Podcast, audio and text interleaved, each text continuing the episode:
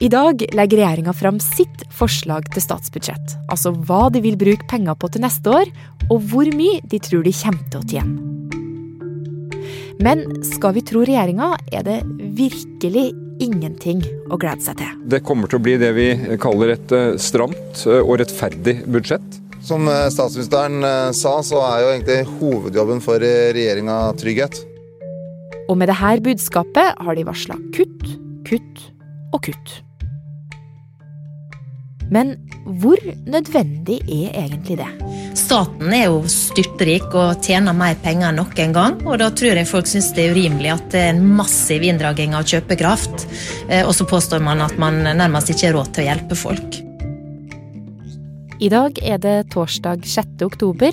Jeg er Marit Eriksdatter Gjelland, og du hører på Forklart. Det forslaget til statsbudsjett som kommer nå, det er det første Støre-regjeringen og finansminister Trygve Slagsvold Vedum har laget helt fra bunnen av selv. Og hvordan arbeidet med det budsjettet har vært, det kan vi se veldig tydelig i, ja, Vedums retoriske reise. Sindre Heierdal har fulgt med på denne retoriske reisa det siste året, for han er økonomikommentator i E24. Og dagen i dag skulle egentlig vært en dag finansminister Vedum gleda seg til. Han skulle smilt det svære gliset sitt og innfridd valgkampløftene sine til alle vanlige folk i små kriker og kroker av dette landet. Og går vi ett år tilbake i tid, så så det også ut som det skulle bli sånn. Og latteren til Vedum, om du fortsatt husker den, trilla som vanlig ut i radio- og TV-debatter. Så hvordan framsto egentlig Vedum da i starten av karrieren som Norges finansminister? Han var litt opposisjonspolitiker fortsatt. Fremoverlent, offensiv i Stortinget. Smil og latter og 'dette går bra, nå skal alle få' tid for distriktene og vanlige folk. Ferje, det vi er på ferje, gratis ferje, for pendling, kommuneopplegget, at vi styrker tiltakssona. Satser på mer utbygging av bredbånd med 100 millioner kroner. Styrke Innovasjons Norges virkemidler til å skape nye bedrifter. Vil du at det skal fortsette? Det tror vi har skjønt tegninga. Men så, så endret det seg. Strømprisene vokste over hodet på han. Vi fikk en prisøkning på veldig mye. Og vi fikk altså en krig i Europa. Da var han mer sånn Vi skal få til dette likevel. Det går bra. Folk flest vil fortsatt ha like mye å rutte med som før, iallfall. Litt mindre av den gode latteren?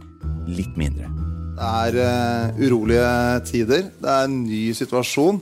Og det kommer til å kreve en uh, god del enda tydeligere politiske prioriteringer. Og hovedprioriteringa er jo tryggheten til folk. Og så, da, så har det blitt høst, og alt har blitt dyrere for vanlige folk. Strømmen koster mer, krigen i Ukraina fortsetter.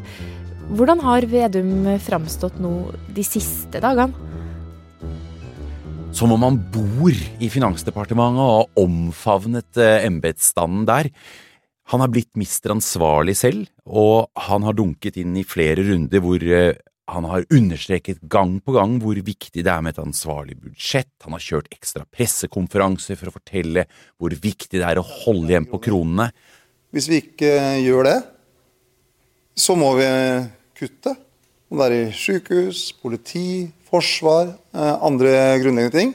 En total endring av retorikken altså på ett år, og åpenbart prøver han å bygge opp en kraftig kriseforståelse hos deg og meg. Hvorfor det? For at folk ikke skal bli forbanna, for at folk skal bli klare og tåle alle de kuttene som Vedum nok kommer til å legge fram i dag. Men forbanna, det kan det virke som om noen har blitt allerede. Norge skummer inn enorme ekstrainntekter som følge av de høye energiprisene. Dette er ikke politikerne sine penger, det er folkets penger. Og det eneste fornuftige vil være å gi folk tilbake sine egne penger. Og det her, det er jo sant. Staten tjener jo faktisk mye penger nå. På den rådyre strømmen Norge selger, den rådyre oljen og gassen Norge selger, og den momsen på den rådyre maten du og jeg kjøper. Så hvorfor må regjeringa kutte da? Hva er det som er så utrolig dyrt?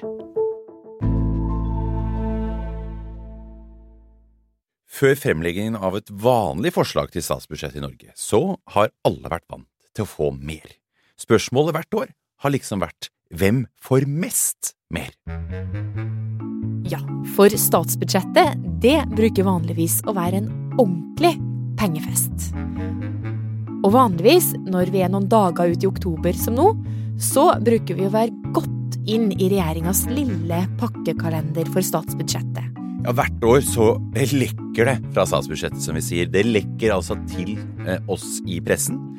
Og det er jo ting regjeringen vil at folk skal få med seg, som kanskje ellers vil drukne i kaoset på selve budsjettdagen. Og da snakker vi om penger til veistubber, til tunneler, til en ny støtteordning for utvekslingsstudenter, småsatsinger her og der, større eller mindre satsinger som eh, vil glede hver en avkrok av landet, og som også da mange lokalaviser gjerne får tildelt, i tillegg til at Riksavisen også kan meske seg i ulike typer oppslag som da får skinne i glansen av at eh, regjeringen ennå ikke har lagt fram det som blir kutt og kuttforslag.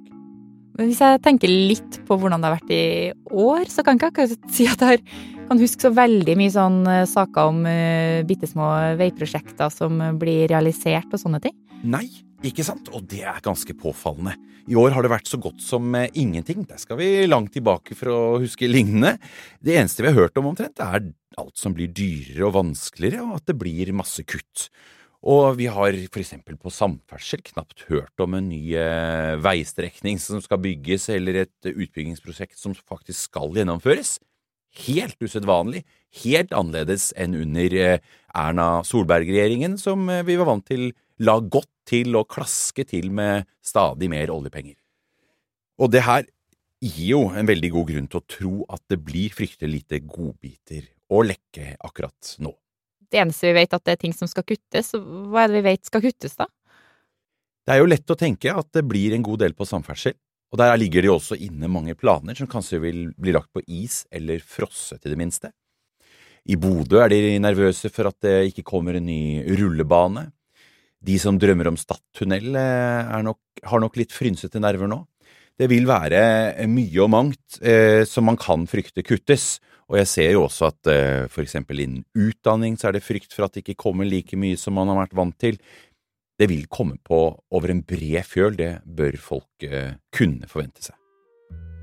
Men kutt heller nok ikke for det her budsjettet som har fått navnet Stramt og ansvarlig. Regjeringa skal også dra inn penger fra et eller annet sted. Og vi har jo en rød-grønn regjering, så det er vel kanskje ikke så kjempeoverraskende at det i hvert fall handler om skatt.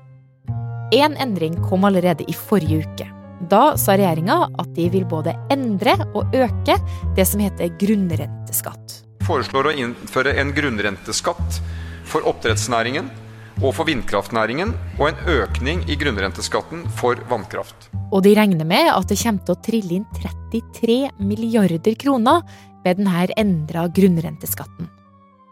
Helt enkelt så er det skatt for de som tjener penger på det som vi kan anse som fellesgoder i dette langstrakte landet vårt. Typisk her er da olje, så de må betale en heftig ekstraskatt for å da nyte godt av våre felles naturressurser. Noen bransjer har sluppet unna så langt, eh, og vannkraftbransjen har betalt, men ikke fullt så mye som olje, for eksempel. Nå eh, er det da lagt opp til at flere må betale den, ikke minst også laksenæringen. Ja, for nå blir det her helt annerledes? Hvis regjeringen får det som de vil, så skal både kraftselskaper og de som driver stort med oppdrett av laks og ørret, måtte betale den samme skatten. Og mange lurer jo på hvorfor de ikke har betalt den eh, hittil. Nå ligger altså det som var et forslag fra back in the days, nå ligger det som et forslag fra regjeringen.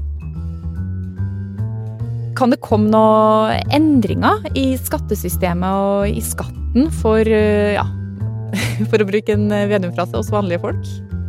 Ja, det er eh, høyst sannsynlig. Og vi fikk jo noen drypp i fjor. Det var jo et budsjett eh, Støre-regjeringen overtok fra den avtroppende Solberg-regjeringen. Men de rakk å endre litt på skatteopplegget, og her vil de fortsette. Her er det mer å gjøre, slik vi kan tolke den nye regjeringen. Og da er det sannsynlig at vi får mer når det gjelder også dette med inntektsskatt. Det som virkelig angår deg og meg. Eh, og eh, det er interessant at Vedum selv har trukket fram beløpet 750 000 kroner også i det siste. Altså, det er sannsynlig at de som tjener mindre enn det beløpet, vil få enda litt mer skattelette, mens de som tjener over, må regne med å betale mer i skatt nok en gang, og særlig de som da er virkelig høytlønte. Da vil man kunne antagelig belage seg på noen titusenlapper mer i skatt. Og nå har vi kommet til det som er det store spørsmålet her. For med de her økte skattene, alle kuttene og ikke minst inntektene landet vårt har nå på strøm og gass, så skulle en jo tro at det var masse penger å bruke det neste året. Men det antyder regjeringa at det ikke er. Hva er det som blir så dyrt for Vedum? Nå er det en del utgiftsposter som har økt eh, kraftig, og som øker kraftig i pris. Vi vet at det er særlig fire ting som Vedum må bruke penger på nå. Det er forsvarsbudsjettet, av åpenbare grunner. Vi har et aggressivt eh, Russland. Så er det ukrainske flyktninger. Mange av dem har kommet til Norge. De skal integreres. Så er det åpenbart strømkompensasjon. Der skal vi sprøyte inn en 43 milliarder for å i hvert fall kompensere litt av de ekstremt høye strømprisene folk flest får framover. Og så er det i tillegg at vi blir eldre og færre etter hvert også vil stå i jobb. Det går mye med til trygd. Så selv om vi får inn mye penger, så er det store utgiftsposter, da?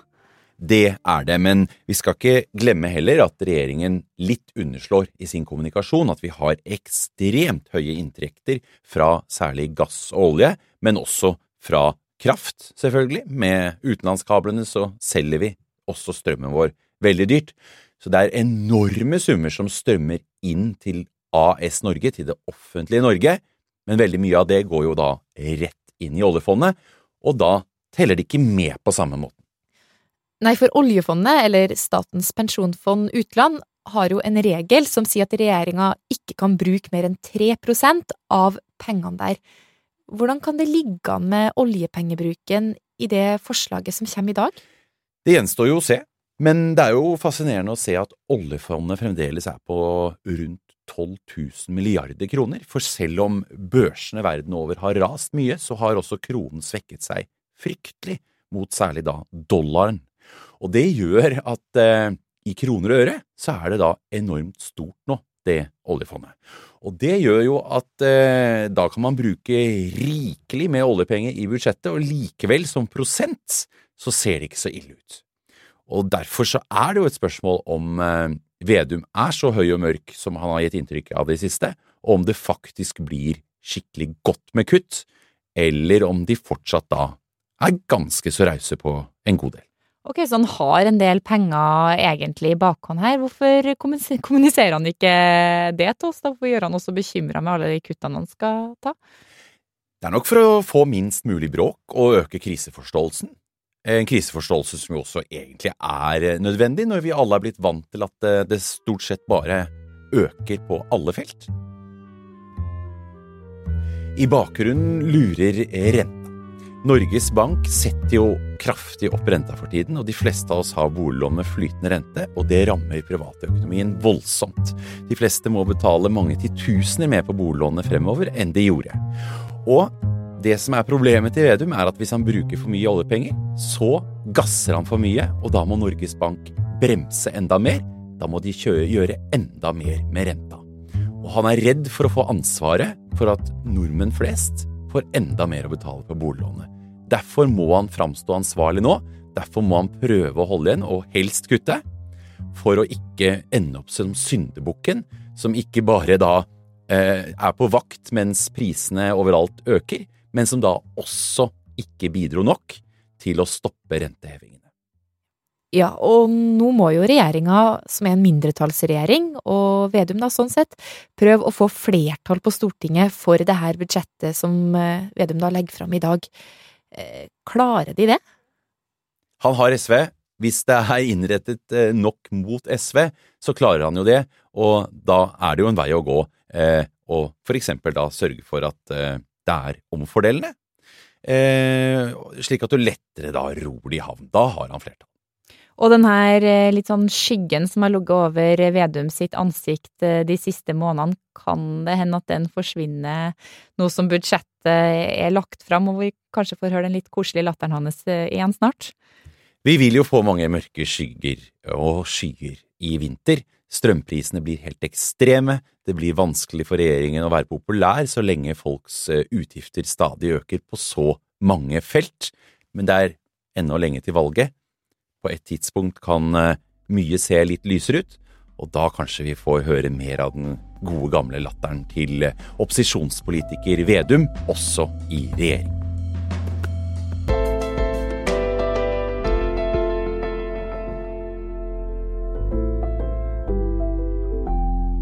Du hørte Sindre Heierdal, som er økonomikommentator i E24. Alt om statsbudsjettet det kan du selvfølgelig lese på aftenposten.no i dag. Og i løpet av dagen så kommer det også en kort forklart her i feeden med det viktigste du trenger å vite fra statsbudsjettet. Det er Anne Lindholm og jeg, Marit Eriksdatter Gjelland, som har laga denne episoden. Resten av Forklart er Fride Nesten Onsdag, Jenny Føland, David Vekoni, Synne Søhol og Anders Weberg. Lyden du hørte, var fra VGTV, NRK, Stortinget og regjeringen.no.